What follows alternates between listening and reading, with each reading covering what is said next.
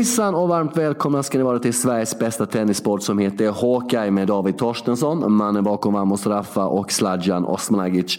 Denna vecka kommer det handla mycket om fjunisarnas slutspel i Milano. Vi summerar tjejernas slutspel i Shenzhen, Kina och blickar framåt mot London nästa vecka. Och när vi ändå blickar framåt mot London nästa vecka, David, ska vi passa på att kritisera ATBs eh, medieavdelning lite? Har det redan spårat ur här sedan Andrea Gaudenzi lämnar mediasidan av ATP och blir nye Chris Kermode, the chairman av ATP? För de skulle börja sända klockan 14 här eh, med lottningen och den verkar inte riktigt ha börjat ännu och ingenting på hemsidan ATP som att det är lottning idag och sådär. Vad håller de på med? Ja, han får sparka alla sina kompisar direkt, Gaudenzi. Det här känns inte riktigt bra. Alltså säger man att en, en så stor organisation som ATP ändå är. Säger man mm. att det ska lottas klockan 14, ja 14 svensk tid, 13 brittisk tid. Då, då ska man väl göra det, eller? Det liksom, ja, det tycker man. Ja, problemet är att det är en person som står ansvarig för detta. Det kan ju bara vara en persons fel i hela tennisvärlden. Det vet ju alla vem det är. Federers? Nej, den förfärlige såklart. Allt Jaha. är ju hans fel. Det har vi kommit fram till. Jag förstår. Du förstår, du förstår. Vi pratar med ATP-slutspelet till London. Vi hoppas att lottningen är klar medans i slutet av sändningen. Och vi börjar lite då med Fjunisarna i Milano som det så vackert eh, kan heta. Börjar ju då tisdag. Ymer spelar kvällsmatch mot Umber. Umber, vi spelar in detta då tisdag eftermiddag. Eh, och ingen Tsitsipas, det är ju inte så oväntat. Felix Auger Aliasim, som var fruktansvärt stjärnskott i våras. Vi eh, utnämnde honom till både det ena, det andra, det tredje och fjärde. Vi har inte sagt någonting om honom på flera månader. Undrar vad det kan bero på. Han lämnade återbud tidigt, tidigt och Shapovalov lämnar redan återbud innan finalen i Paris för att han var sliten och trött. Så de tre, och alla de tre är ju topp fyra då på rankingen bland fjunisarna, 21 under, är inte med. Hur ser vi på det, David? Ja, men det känns väl som att det här är väl egentligen mer naturligt än hur det har varit de två tidigare åren. Alltså det, är, det känns ju inte som att är man topp 20 i världen. Det här känns ju inte riktigt som den viktigaste turneringen på året liksom. Så att när valparna är så bra som de ändå är just nu med Chapovalov, Felix och Tsitsipas. Att, att det saknas några stycken till det här slutspelet det känns ofrånkomligt. Så jämför man med de tidigare åren när Ja, det är väl någon som har saknats på två år men annars har alla varit med. Det kanske är det som var lite konstigt snarare än det här. Att juniorslutspelet kanske är ett slutspel för juniorerna som är bäst men inte absolut bäst på något sätt. Eh, nu, det blir ganska roligt ändå. Alltså Deminauri är med. Han ska ju vara helt överlägsen tycker jag. Det skulle förvåna mig om han inte vann. Eh, I övrigt så är alla, alla de sju andra är nästan exakt lika bra. Så det kommer ju bli mm kul matcher ändå. Men det är klart, alltså, yes. hade alltså, alla de bästa varit med hade ju varit ännu lite roligare. Så är det men sen är det lite så som du nog snuddar lite på David, att vad det gäller just fjunisarnas slutspel så är det kanske inte spelarna det viktigaste, utan det är kanske spela i kombination med de här tekniska grejerna som försiggår. Själva formatet, att man spelar liksom bästa fem set med varje set till fyra game, inte till sex set och så vidare. Första upplagan, det var snurrigt att titta på, det måste jag säga. Andra, förra året kändes det mycket bättre att titta på det. Eh, och eh, i år så kanske det faller på plats alltihop. Men är det 50-50, allt formatet och spelarna som är intressanta här? Eller hur skulle du göra den procentsatsen?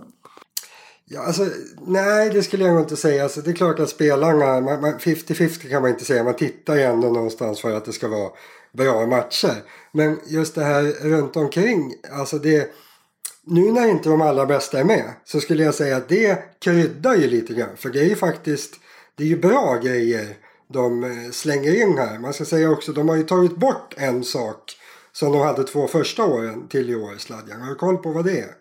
Nej, det vill jag att du talar om för mig. Nätservern. Man spelade ju vidare på nätservern här. Just det, just det. Och det var ju helt idiotiskt. Det är den, alltså det är den sämsta idén som man någonsin överhuvudtaget har provat inom tennisen. Men man testade ju det här på Challengertouren för 5-6 år sedan. Det blev totalt kaos. Alltså det var en parodi på tennis. För när man spelar vidare på nätservrarna då märker man att det är ganska mycket nätservar i tennis. Och varje gång det blev nätserv då blev det liksom fullständigt kaos. Sen gick det några år och så lyfte man ändå in det här som en, ett test i juniorslutspelet. Och det blev ju lika, lika mycket kaos då. Så när du säger att det var liksom lite stökigt och lite kaosartat. jag tror egentligen att nätservarna var en ganska stor del av det. I övrigt så är det ju bara bra grejer de här. Så vi får se. Jag tror att det kommer flyta på bra i år. För det, det, det, är, liksom, det är bara bra förbättringar. Man skulle kunna ta in dem i tennisen rakt av egentligen allihopa.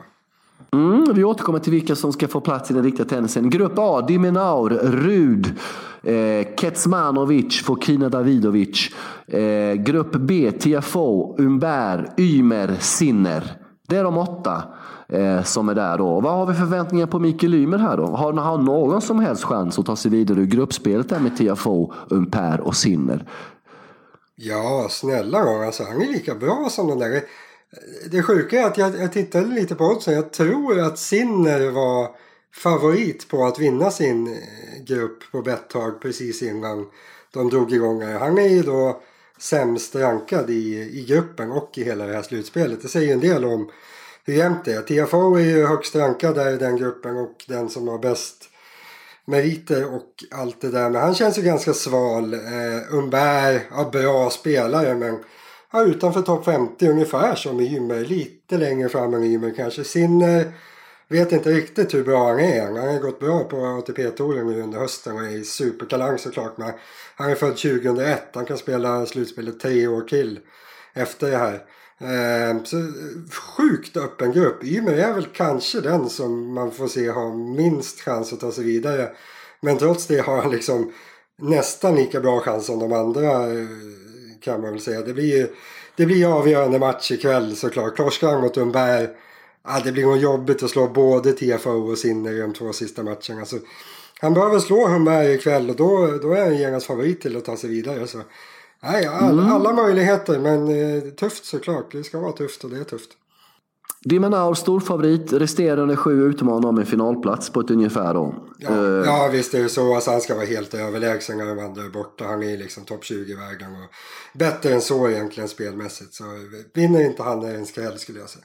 Du, de har ju någon ny teknik i år då man får på sig kläder som äter rörelsemönstret på banan. Sånt där som Murray använt när han tränar och så vidare. Eh, det är ju lite spacigt, är det inte det? Är det ett, spe, ett steg för spacigt? Vi oss om det? Nej, det vet jag inte. Vi får se vad resultaten, vad de mäter och de kommer fram till slutsatser. Så kan vi återkomma till det. Så kanske vi bryr oss om det. Eh, eh, sen då har jag ju bett dig göra en lista då med dina tre bästa regelgrejer i Funisarnas slutspel som du vill att man ska ta över till eh, seniorerna då.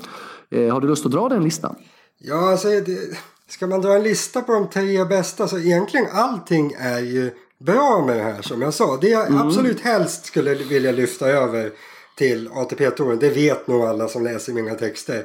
Det är att plocka bort linjedomarna. Alltså linjedomare dåliga, ta bort dem. Vi har Hawkeye på nästan alla ATP-turneringar. Låt Hawkeye sköta linjerna.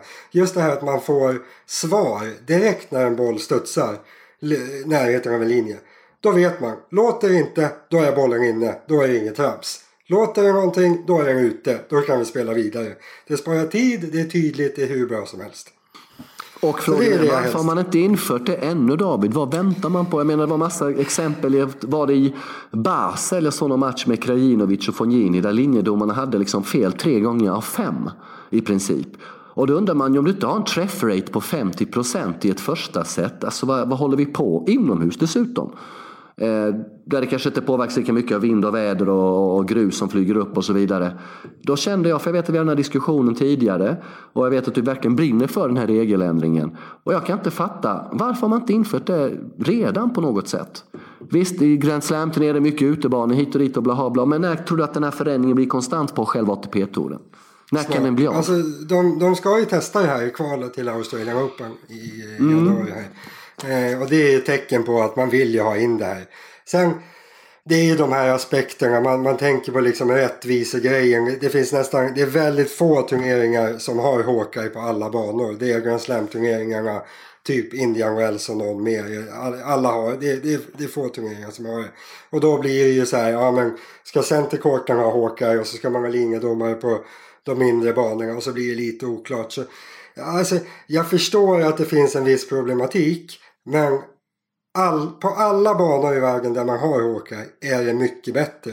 Så varför då inte använda det så mycket man kan där och sen försöker man undan för undan lyfta in det mer och mer. Att liksom, de turneringar och de banor som har Hawkeye, låt det där sköta det. Det, det, det, det, kan inte, det kan inte finnas några problem. Och som sagt, i och med att de testar det här i Australian Open så är jag ganska säker på att det kommer att börja smyga in kanske redan under nästa år i, vissa turneringar efter det också. Så, ja, den, eh, den känns given att den är på gång i alla fall. Så linjedomarna får nog sitta och darra lite. Jag tror att de är utrotningshotade. Hoppas det i alla fall. Skulle det kännas okej okay med dig om exempelvis i en Grand Slam, säg då US Open i, i augusti-september där då, i kommande år. Att man har det här hockeysystemet bara på de två, tre huvudbanorna som, som har kapacitet till det och så kör man som vanligt på de andra eller blir det orättvist då? Det är fortfarande ja, jag, samma förutsättningar ja. för de två som spelar matchen ja, oavsett vilken bana jag, de är. Jag var, jag var inne på det precis tror jag. Att, alltså, kör, där, kör där det finns hockey, kör. Där det inte kör. finns då får okay. vi lappa ihop det med, med linjedomare även i fortsättningen. Ja, då har vi klarlagt att för oss är det inget moraliskt problem i att det blir olika förutsättningar på olika banor så länge det är samma förutsättningar för de två spelarna. Eller fyra om det är dubbel som spelar själva matchen. Mm. Självklart. Mm. Du, eh, vad det gäller Milano och Fjunisarna. En annan positiv sak är att man slipper det jävla handduksspringandet för bollkallarna. Ja, vet du. För det är måste skitbra. Hämta, ja, det är skitbra. Då måste de hämta handdukarna själva. Och när du och bara har 25 sekunder. Då torkar yes. de sig aldrig. För orkar de inte, då skiter de inte. Kolla det på det den här veckan, alla ni som lyssnar. Det är ju folk som lyssnar på oss. Det är fantastiskt. Kolla mm. på det under det här juniorslutspelet. Tänk på hur lite spelarna kommer använda sin handduk. Och det handlar bara om att det är ganska jobbigt att gå och hämta handduken själv. Och alltså, Plus tid David. Ja tid, absolut. jag menar, och, ja, ja, för det, nej, 25 sekunder. Det det, ja, ja, jag förstår det. Jag vet. Alltså, ja, i, I vilka andra idrotter har man barnarbetare eller om man så vill slavar det, bollkallar finns inom fotbollen, absolut. Men att man har barn som springer och hämtar handduken och passar upp på dem mellan, mellan gemen och allt. Alltså, är det där modernt Sladjan? Är det det? Oh, det blev ju en, en väldigt stor fråga det här David. Eh, ja, Många stora vad frågor. Tycker på... du? Alltså tycker jag... du att barnen ska gå och hämta handduken hos spelarna eller kan de gå och hämta sin handduk själva? Samma när de sitter mellan gemen. Tycker du att de ska ropa på ett barn som ska komma och ta en liten pappersbit som de vill kasta? Eller ska de kunna gå till soptunnan och kasta den när de är på väg ut och spela igen? Det är många komplexa frågeställningar på en och samma gång här David. Eh, ta ställning nu Sladjan. Ta ställning, våga. Ja, men det är svårt när man kan ta ställning för både och. I den här specifika situationen då tennisspelarna sitter där så är de på sin arbetsplats och det är en specifik situation som alltid har varit sådan att de säger till om de vill ha mer vatten eller hit och dit eller de ska. Mm. Då tycker jag det är skummare med den här grejen David att ibland så kommer det ju liksom, skriker de på låsen så får bollkallen springa till spelaren till player lounge, eh, spelarlogen var tränarna sitter och hämtar någon vätskedryck och springa bort med till spelaren. Varför har du inte med den in på banan direkt det, det beror, Det beror ju på att de inte får prata med sin tränare. Att de, om de gör det själva så finns risken att de får ett råd. Vilket också är otroligt Nej, jag menar det. Varför, varför har de inte med sig Jo, men varför har de inte med sig alla olika drycker, tänken, drycker de ska dryckas för olika problem in på banan? Varför ska eh, tränaren mixa den på läktaren och en bollkalle hämta dem? Det blir jätteläskigt. undrar man ju direkt. Då blir man misstänksam direkt. Mm. Blir man inte det? Ja, Okej, eh, jag hoppas att jag slingrar mig undan att jag inte behövde svara på någonting där på det. Jag tycker lite dubbelbottnat. Men eh, ta din lista, ta din lista lite mer för du hade förutom du hade lite par till grejer där va? Ja, men det här med, alltså, det är en, en stor grej också med, med det här slutspelet är att alltså, man följer reglerna. I, det, är, det är lite mer fast kring reglerna. Här, här, när spelarna går in på banan här då börjar det ticka en klocka ner. Fyra minuter, sen ska matchen vara igång. Är man inte klar då, nej men då har den andra spelaren möjlighet, möjligtvis att sätta igång spelet eller man får en varning eller vad det än är. Alltså som det, det finns ju regler för det här även i, i vanliga turneringar. Att det, är, det är väl fem minuters inbollning det. Men jag lovar er, om ni sitter och tar tid på en inbollning. Den kommer vara 6, 7, 8, 9 minuter. Domaren väntar med att säga att det är två minuter kvar tills spelarna börjar träna serve. Att de kan värma upp hur länge de vill och sen är det två minuter kvar när de börjar serva. Här tickar klockan ner exakt när de, när de kommer in och är de inte klara, ja, då är det någon som får får skylden för det. Samma sak med de här 25 sekunderna. Det är fast. Den klockan räknar. Och sen är man inte klar då, nej, men då får man varning eller förlorar poängen. Alltså, det här är ett sätt som man kanske kan hitta. Man, man kan inspireras lite av att börja följa reglerna inom tennisen igen. För det gör man inte nu. Det är jättemånga regler som man skiter i inom tennisen. Det här med tiden absolut och inbollningen. Det finns hur många regler som helst som finns inom tennis men man följer inte. Och det gillar jag ju verkligen med det här juniorslutspelet. Att man gör det lite mer tydligt. Man, man, eh, man följer reglerna helt enkelt och det, det tycker jag också om. Jag tycker att man borde inspirera. Spelarna behöver inte stå och värma upp i 8-9 minuter. De har värmt upp hela dagen och kunnat förbereda sig. De behöver bara slå några slag och sätta igång. Det är, är, detta ett sätt, är detta ett sätt för ATP att försöka fostra framtida generationer? Nej, det kommer nog glömmas. Det, ja, frågan är hur bra det går. Ja, men varför inte? Alltså, det är de här spelarna som ska föra tennisen vidare. Alltså får, får de lära sig. Och jag tror egentligen att de vill det. För tittar man på hur det är på ATP-touren. Vilka det är som tar tid på sig. Det är inte många av de unga spelarna som går över tiden och vill maska och sådär. Det är, det är mest gamlingarna. Alltså. Så, och, och liksom föra in det här och visa hur man vill ha det för ungdomarna. Det är nog rätt vettigt. För då kanske man... Eh, intressant tanke faktiskt. Då kanske kanske löser sig av sig självt för de vill inte spela långsamt när de får lära sig det. Du, har något mer här vill du lägga till på denna lista? Nej, men det är väl de där som... Sen, jag tycker ju om räknesystemet också. Sen, det, det är ganska komplext. Man spelar alltså för, femsättare först till 4G med tiebreak vid 3-3 mm. och no-add. Eh, no-add tror jag egentligen inte så mycket på. Det tror jag man skulle kunna steka. Däremot femsättare till 4G superbra för mindre matcher. Till exempel Stockholm Open eller Båstad eller något sånt där. Där man skulle vilja ha lite mer action i matcherna. Något lite mer speciellt, lite liksom Ja men det hettar till lite fortare i sätten. Det blir inte den här transportsträckan att spelarna håller servern enkelt fram till 5-5 och sen börjar hetta till. Utan det är, varje game kan liksom avgöra sättet på något sätt. Och om det är turneringar som är lite sömniga sådär. Då tycker jag att det borde kunna vara en bra idé att införa det här räknesystemet. Kanske minus no add då. Jag, jag gillar inte det riktigt hundraprocentigt i, i singelmässigt. Men jag gillar räknesystemet också. Det, det jag är lite tveksam till. Jag ska väl ta minuset också på de här grejerna de kör. Det här att de sitter och pratar med sina coacher mellan seten. Mm. Det är inte så jäkla häftigt. Det är det inte. Nej, med den här eh, tekniska anordningen de får ta på sig dessutom. Då. Ja, och så ska de sitta och skämta och det blir bara stelt och tränarna vet inte vad, hur de ska uppföra sig. Nej, det där, nej. nej. Nej. Generellt sett kan jag tycka att det här med dialog med tränare som det är på VTA-touren, att de springer ner eller som det är i Fjunans slutspel, det hör inte tennisen till tycker inte jag. Eh, tennisspelare ska klara sig på egen hand, egna ben, egna armar, egen hjärna när man väl är där ute. Eh, det tycker jag verkligen. Så det gillar jag inte riktigt. De, det, ja, nej, det tycker jag man ska ta bort. Absolut. absolut. Vi är överens min vän. Yes. Du! Shapovalov är veckans spelare. Var är han? I vilket land är han född? Vet du det? Vill du ha tre alternativ? Ukraina va? Ryssland, Ukraina. Ukraina. Eller vill du ha tre alternativ? Ja, ja ge, mig, ge, mig, ge mig, ge mig, ge mig. Ja, du får fyra alternativ då. Du får Ryssland, mm. du får Ukraina, du får Kanada och du får Israel. Israel är ju, det vet jag ju. Ja, men det är helt rätt. Det är helt rätt. Tel Aviv. Men flyttade innan han var ett år till Kanada då. då där hans mamma Tessa Shapovalov fick jobb som tennistränare och gammal tennisspelare och sen öppnade de en egen akademi. Eh, så han har ju inte rest runt med sina föräldrar i junioråren utan då reste han runt med någon eh, ja, sån här Men nu är mamman med tror jag.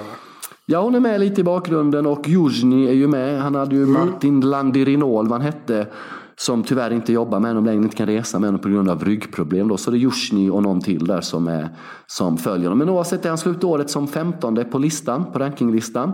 Eh, titel i Stockholm Open.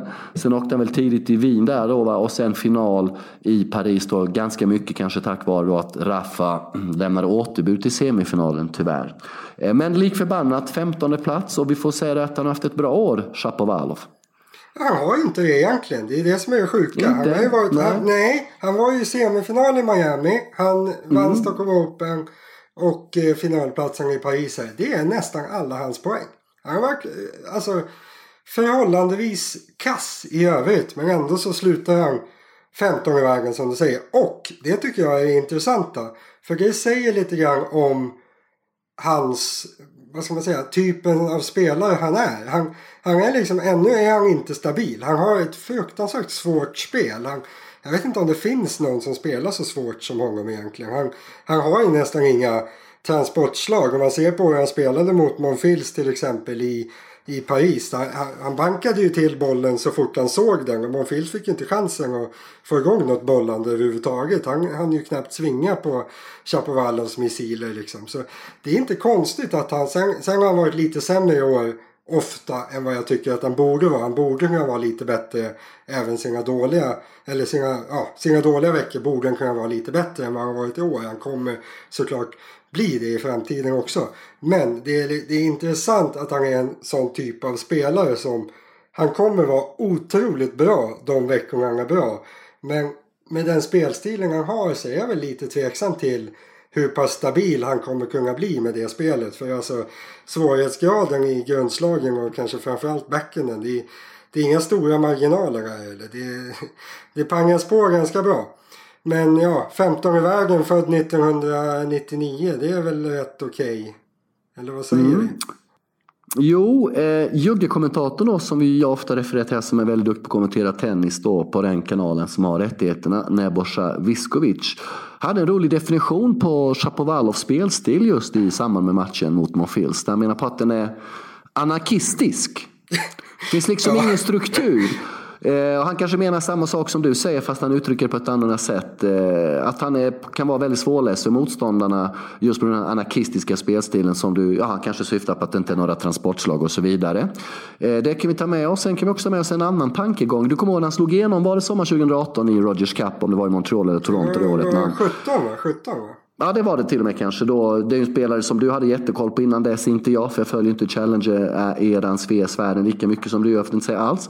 Men och sen om du, när du nämner de här turneringarna i år och tittar lite på dem för förra året. Har vi ett problem här med Chapovalov eller har han ett problem med att vara konsekvent och ha kontinuitet i framgångar? För han blixtrar till i några turneringar här och där och sen går det ganska dåligt eh, överlag eh, däremellan. Eller är, det, är, det, är det ett system vi ser, liksom en struktur eller är det bara inbildning från min sida? Hur ska han, bli, hur ska, han måste jobba med kontinuiteten med topprestationerna är ju ganska uppenbart i framtiden. Ja, men han får, han får väl välja lite själv skulle jag säga. Alltså, vill han spe, fortsätta spela så här och bygga vidare på att kanske bli ännu lite bättre på den här svåra spelstilen han har. Alltså, då kan han ju bli hur bra som helst när han har sina bra veckor. Så antingen kan han försöka förfina det och liksom bli fortsätta vara lika oberäknelig och lika liksom spela lika svårt men bli bara ännu lite bättre på det. Eller så kan han gå vägen, vilket jag kanske tror att han kommer göra, och bli en lite mer vanlig spelare. Fortfarande väldigt offensiv, garanterat. Men alltså att han, han håller sig lite lugnare för att kunna vara lite stabilare mot lite sämre spelare. Att han, ja, han har ju förlorat mot ganska många spelare i år som han inte ska förlora mot om han vill vara topp 20 i världen som han är just nu. Så jag tror han kommer jobba lite, lite mot att bli lite mer vanlig som spelare. Det brukar bli så. Eh, det man ska säga om Chapovalov också. Du sa att du inte hade eh, så bra koll på honom när han slog igenom. Han, det här är en sån där kille som alltid har legat liksom längst fram i sin ålder och som det har pratats om. Så han, han han har ju hela vägen, an, eh, liksom, det har varit utstakat att han ska bli väldigt bra. Är man 15 i vägen är man 20, det är inte många som är det. Så han ligger ju sjukt bra till och han var ju bra i Paris. Det var inte, han fick walkover mot Nadal men Alltså Monfils-matchen där, det, det, var, det var blodigt. Det var, Monfils fick inte vara med överhuvudtaget. Så kapacitet har han, Chapovalov. Ihop med en svenska också Sladjan. Han är snart halvsvensk. Ja. Mm, Miriam va? Ten, ja. Eh, du, eh, topp 10 nästa år, i slutet om ett år när vi sitter och summerar. Är det troligt att Chapovalov är topp 10? Jag tror inte det. Vad tycker du? Nej, okej. Okay. Eh, tveksam, men vi återkommer i ärendet. Eh, VTA, tjejerna haft sitt slutspel i Shenzhen, Kina. David, eh, rekord i prispengar. Det var 14 miljoner dollar totalt i prissumman. Eh, Bert Barty då som vann turneringen och är kvar nummer ett i världen slog Svitolina i finalen. 4,4 miljoner dollar, det är mer än vad herrarna får. Eh, vi hade då ganska mycket eh, ett eh, slutspel här präglat av skador. Andrescu lämnar återbud i, i andra omgången i gruppspelet, och var tredje. Osaka lämnar återbud till andra matchen i gruppspelet då efter att ha vunnit första matchen.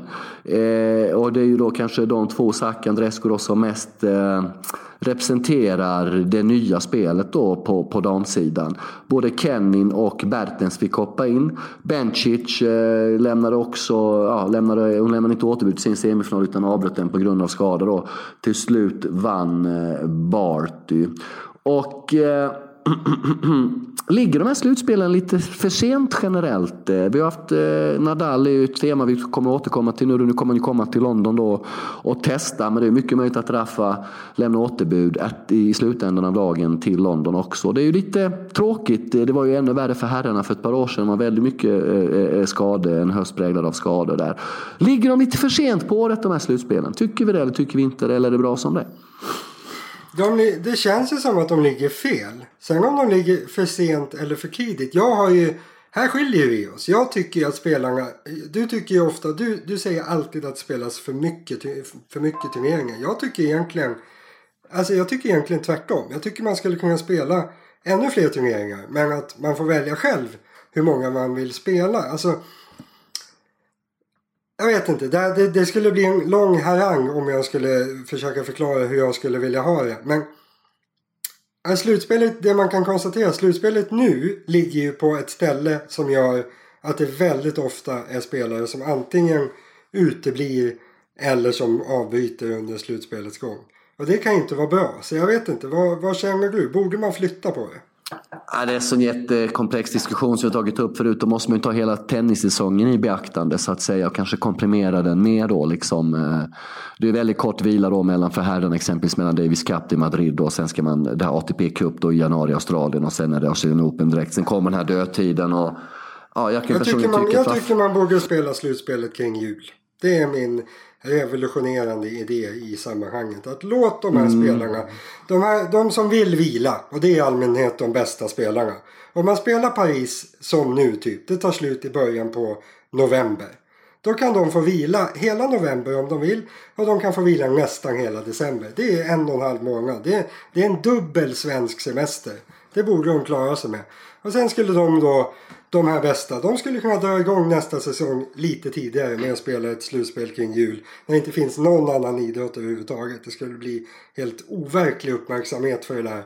Om man spelade slutspelet liksom precis innan nästa säsong. Det skulle bli ganska bra marknadsföring för att tennissäsongen ska sätta igång igen. Och då skulle ju alla vara mycket fräschare och de skulle ha hunnit vila och allting.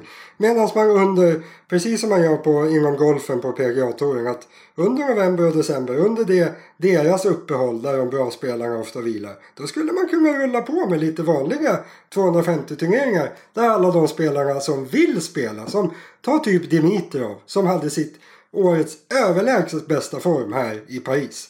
Han hade ju velat spela på här under november-december. Och det finns garanterat arrangörer som skulle vilja arrangera mindre ATP-turneringar. Och man skulle få ganska bra namn. För alltså, det är bara de här absoluta topparna som blir så slitna att de vill vara lediga två månader. Låt dem vara det, men låt alla andra spela. Och så som sagt, jag tycker att man egentligen borde spela slutspelet runt juldagar och de har vilat en och en halv månad och så kommer de fram och kommer de tillbaka. Och kör på stenhårt. Nu har grupperna kommit ut förresten Sladjan, vill du höra?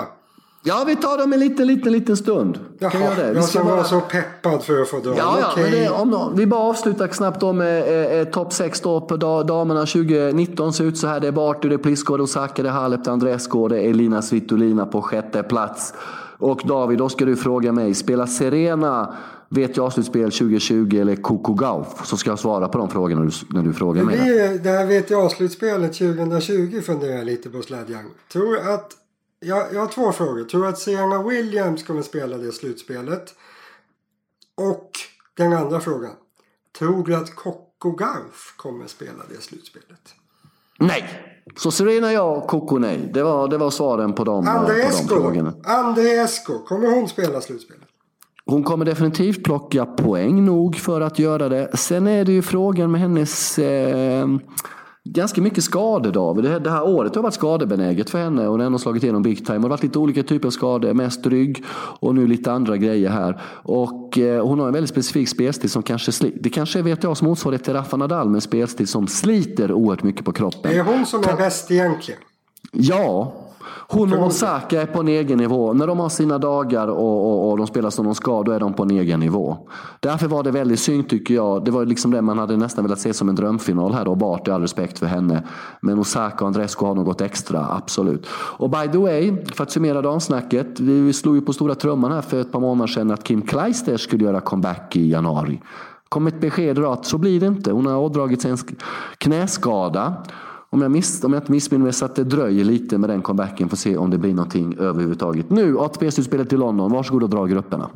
Grupp Andrei Agassi heter det. Där yes. spelar Nadal, Medvedev, Tsitsipas och Zverev.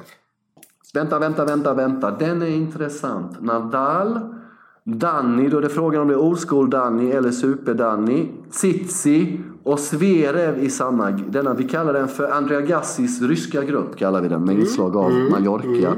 Mm, sen har du då Djokovic, sen har du Federer, du har Tiem och MB i, i, i den andra gruppen då. Och Monfils David behövde vinna kvarten mot Chapovalov för att gå förbi Berrettini och ta den åttonde och sista platsen. Men det gjorde han icke. Han var chanslös som du var inne på innan.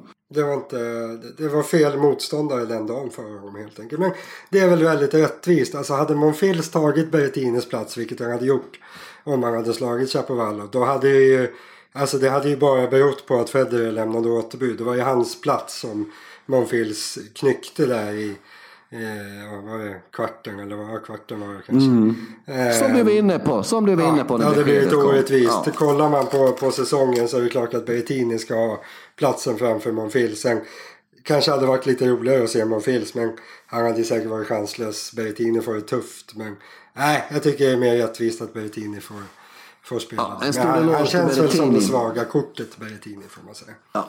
Men en stor eloge ska av Berrettini för att han tog sig dit. Fantastiskt. Jag återkommer till honom någon annan gång. Rafa är etta på rankingen den här veckan. Tog över den igår då från Novak.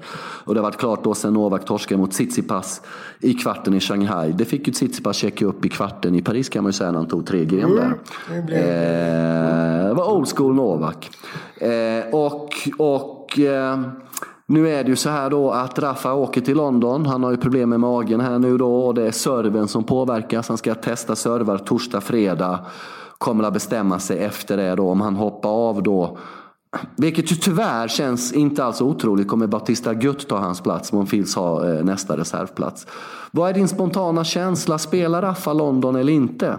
Nej, det kan, alltså jag skulle säga 2080 och då är jag nästan då är jag positiv skulle jag säga. Alltså, han, han, är ju väldigt, väldigt försiktig Nadal. Sen, han är väl, alltså klart han är skadebenägen för han har en så slitsam spelstil också. Så det är väl förståeligt också. Det är fullt förståeligt att han går sönder. Men ja, det, det känns inte som att det behövs så mycket för att Nadal ska stå över någonting nu för tiden. Men jag vet inte, alltså magmuskel, det är väl en magdröm om man inte vill ha något att fundera på. Jag menar, du använder ju magmuskeln hela tiden. Han kommer ju...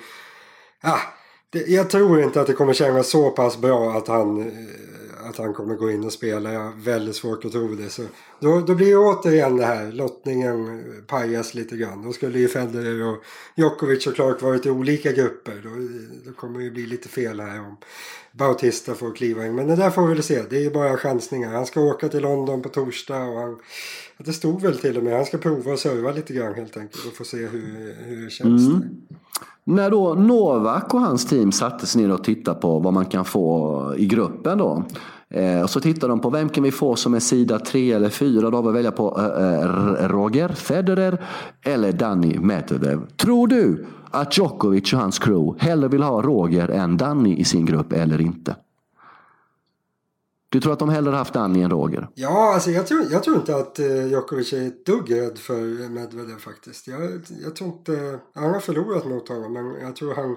Mot Medvedev vet han, så spelar jag bra då är jag mycket bättre än honom. Jag tror inte han oroar sig alls. Federer, Federer är fortfarande klart bättre än Medvedev. Det är min bestämda uppfattning. Så jag tror han, eh, han hade hellre tagit Super-Danny.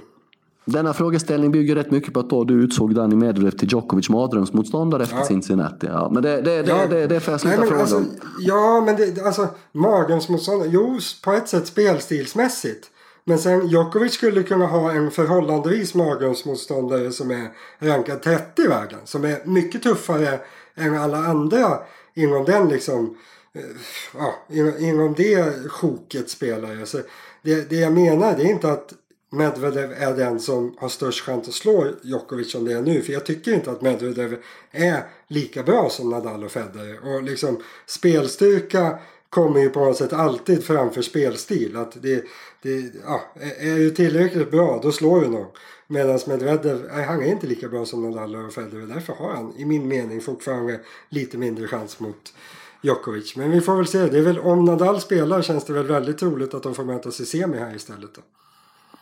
Eh, ja, och det leder oss till diskussionen om 640 poäng skiljer till Raffas fördel. Vem är världsetta vid årets slut då? Det har blivit lite antiklimax då med Nadal hade Nadal exempelvis vunnit Paris så hade det redan varit klart då. Då, då hade ATP-slutspelet varit ganska dött utifrån det perspektivet. Eh, men med tanke på Raffas skadeproblematik här då. Vem håller du som favorit just nu då som världsetta vid årets slut? Är det Roger eller är det Raffa eller är det Novak? Fast att Novak ja, är nästan men, alltså, med, tanke, med tanke på att jag tycker att det är 20% chans att Nadal överhuvudtaget spelar så är det ju 80% att han inte spelar. Och att Djokovic ska ta 600 poäng det kommer han ju troligtvis göra. Det är väl, vad är det, semifinal? Ja, 600 poäng är man vinner alla tre matcher i gruppspelet exempelvis. Ja, precis. Ja. Eh, och det känns väl som att han har bra chans att göra. Så I och med Nadal skada så är det ju klart större chans att Djokovic blir världsetta vid årets slut. Men står Nadal på startlinjen och kan göra sig själv rättvisa, då är han klar favorit, eller hur? Det måste han ju vara. Mm. Har vi något, eh, har det, dubbelparen spelar ju också i London, har vi något specifikt du vill säga där?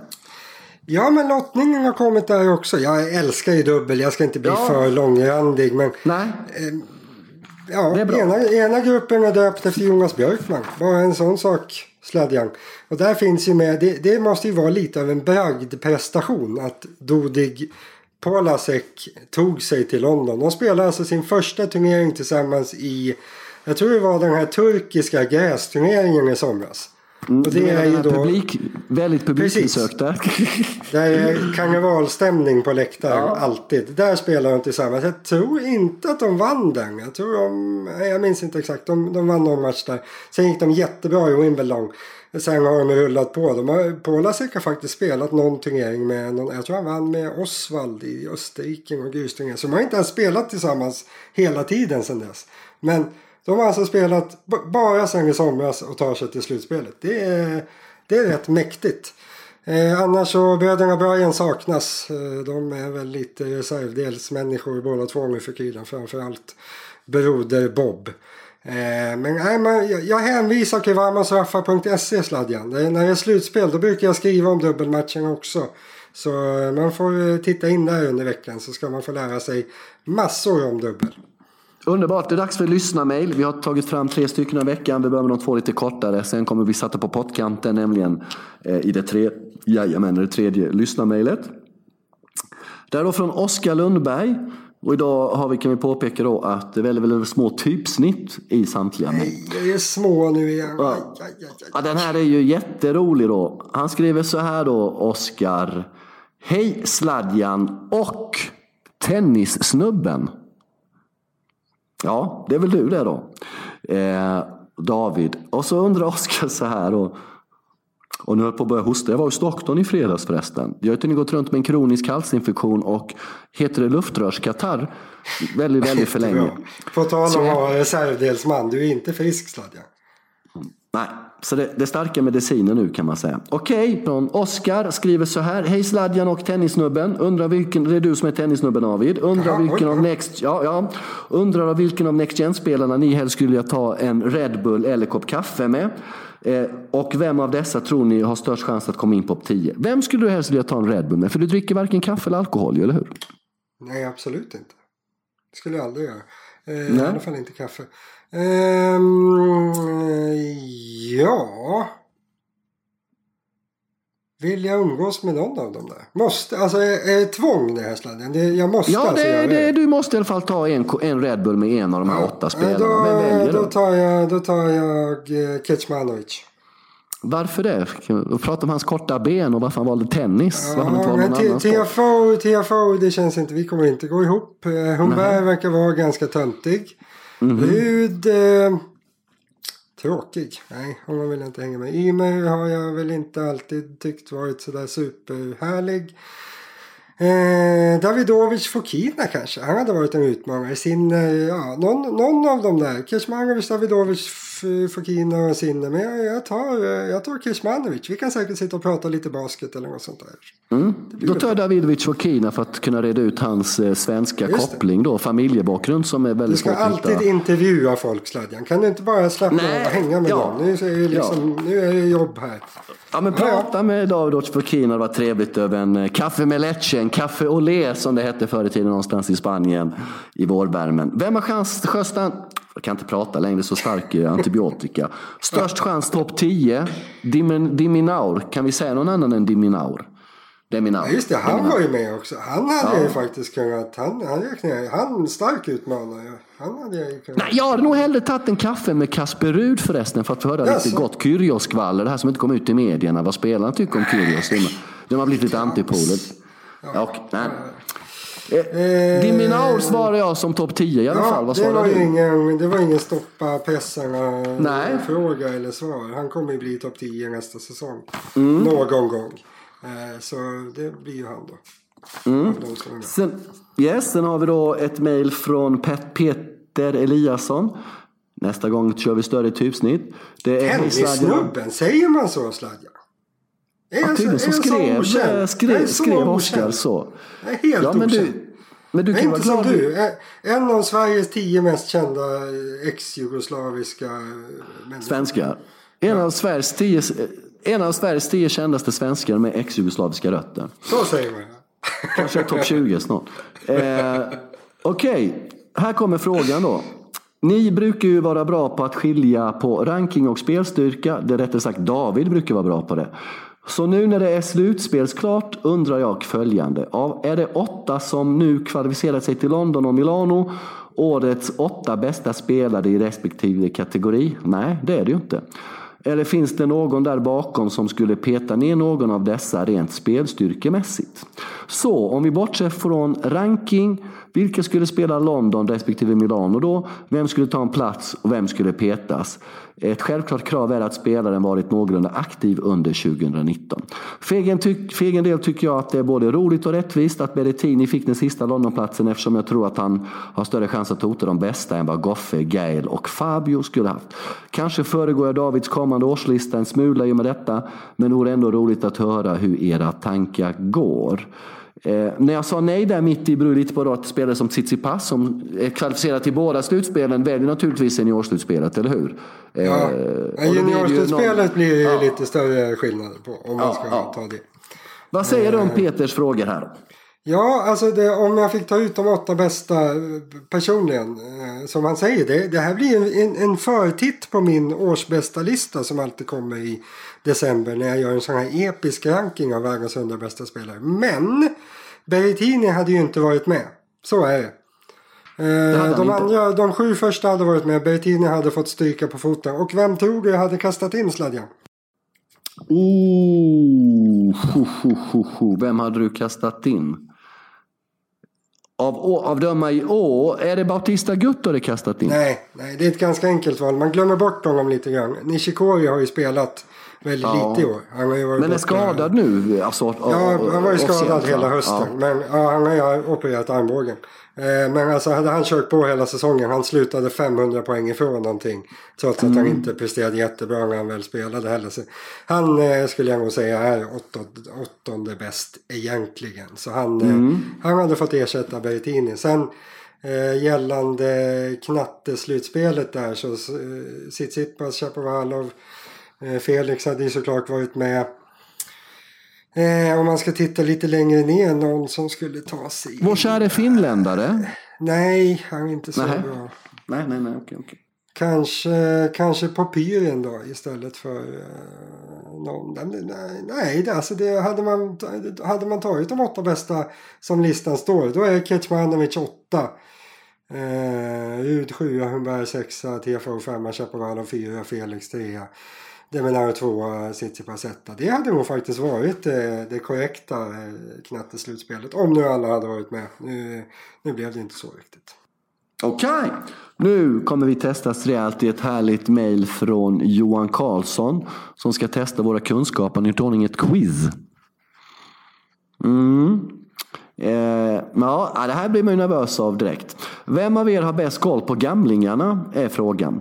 Jag har räknat ut vilka åtta spelare som ska vara med eh, i veteranslutspelet som spelas i Aten, Europas äldsta storstad. Och som ni vet med specialreglerna, max 35 sekunder mellan bollarna. Spelarna är ju ändå plus 35. Tredje serve, den är rätt skön faktiskt. Drive volley förbjudet, bara klassisk volley tillåtet. Den är ju rätt hardcore Hur, ska. Federer kunna acceptera det? Han älskar ju det. Ja, då får väl ändra reglerna tills när han går in i den, i den, i det. Segmentet. Ta bort den regeln. Yes. Åldersskillnaden per år mellan spelarna ger att man får börja med 1-0 i game för varje set för till exempel en 36-åring som möter en 35-åring. Eh, Men max 3-0 ledning i varje set oavsett åldersskillnad. Ska vi åka på det här David? Ja, det låter lite, alltså, det låter lite som tresteg måste jag säga. Det låter så här otroligt Ja. eh, konstlat, men det låter ju kul. Aten, är det bästa? Okej, ja, ja. Ja, nej, men vänta nu, vänta nu. Okej, kan ni plocka alla åtta spelarna plus en reserv eftersom Federer spelar med seniorerna i London. Inte tjuvtitta. Ni bör ta åtminstone fem av åtta utan att, utan att blinka. Jävlar vad svår den blev. Ska vi köra tillsammans eller hur gör vi? Eller vad? Ja, Gamla spelare, det, det, Karlovic bör väl kanske vara en av dem va? Han är väl gammal nog eller? han måste ju vara på ga- gammal nog. Han är för fan 40 så han är, känns ju rätt, rätt given. Sen han är ju inte topp 100 längre. Men frågan är om det finns det 8 35 plus på topp 100? Nej, det gör ju inte. Federer är, ju- Federer är ju extremt given men han, han skulle inte få vara med. Skulle- Feliciano Lopez gammal? Feliciano är ju med. Sen är det väl de som är 83 som är som mig är, får ju vara med då. De är ju 35-36. Får inte 84 vara med då eller? Ja, t- 35 uppåt var det väl. Så Verdasco Tipsarevic, Korsar- Tipsarevic. Tipsarevic, är han för ung? Han är 84 va? Ja, jag han tror kanske det. Han- kan täcka sig in. Men det är väl Lopez, Kohlschreiber. Och Verdasco kan vi väl vara eniga om. Eh, Karlovic, Verdasco, Verdasco, Karlovic, Kohlschreiber, eh, Lopez. Det är fyra. Tipsarevic är ung. Vi måste komma på en till. Och det får inte vara Federer. En till måste vi komma på, annars är vi ju liksom, eh, får vi lägga ner den här podden. vet du. vad, vad kan han räcka liksom- Dudisela, Dudisela, hur gammal är han? Han har ju fan ingen ranking nu. Men han är väl han är 85 så han, Robredo, håller han Robredo har han lagt av? Tommy Robredo? Nej, han nöter ju på på Kärlängetouren. Han, han är 82 så han hade ju funkat. Men jag tror att man, man kommer nog få gå ner på riktigt dåliga spel. Så det blir Kardovic. Jag kan tänka mig att eh, Lorenzi skulle nog kunna eh, ta sig in i så fall. Han är 81. Eh, nej, vi, vi kommer inte få ihop åtta. Alltså. Det är Nej, de flesta fem som åtta, är... fem räckte ju David. Fem räckte ju på utan att blinka. Ja, då får, vi, då får man kolla upp om det där, om det stämmer att de hade varit med. Vad sa vi? Vi sa Ja, på ett- Verdasco, Lopez. Lorenzi. Vi sa Lopez, Karlovic. vi sa Kohlschreiber, vi sa Karlovic, Verdasco, vi sa Lorenzi. Det är fem i alla fall va? Robredo, Nu var vi, vi var så risiga så vi blir inte ens fuskmisstänkta här Sladja. Nej, och då har då eh, eh, eh, eh, kommer svar från Johan. Det är då Federer, det är Verdasco. Du har haft svaret framför dig hela Ja, tiden ja. utan att fuska. Fy Fast på ett vikt papper. Lopez, Seppi. Seppi borde vi ha... Är han så gammal som 35 Jag är alltså? 84 men då har han fyllt 35. Ja, det är. Aha! 84 Kohlschreiber. kanske egentligen. De har ju redan fyllt. Vi skulle ha tagit fler 84 så. Ja, då hade Tipsarevic kanske varit med ändå. Liksom. Ja, då hade, fast han, hur var han? Jo, men han var ju bra fast han har ingen ranking såklart. Ja. Gilles Simon exempelvis är född december 84, så den är ju lite lurig. Just det. Han Mm. har inte åldern inne då. Men, skulle ni vilja ha ett sånt här slutspel? Inte jag, säger Johan, men ur teorin tycker han att det är värt att uppmärksammas. Det är ju lite kul faktiskt. Jag, Alltså det tycka- låter ju lite kul. Skulle man inte kunna, det här skulle ju kunna bli alltså största pengaturneringen på hela året. Det känns ju som att Alltså Champions Tour på golfen går ju ganska bra. Och de borde väl tycka att det här är hur kul som helst gubbarna. Åka och ta en vecka. Så ja, varför inte? Sen kanske det, det krävs kanske att man har med Federer liksom. Så att det inte, det blir ju kanske lite torrt med Lopez, Kohlschreiber, Velasco och så vidare.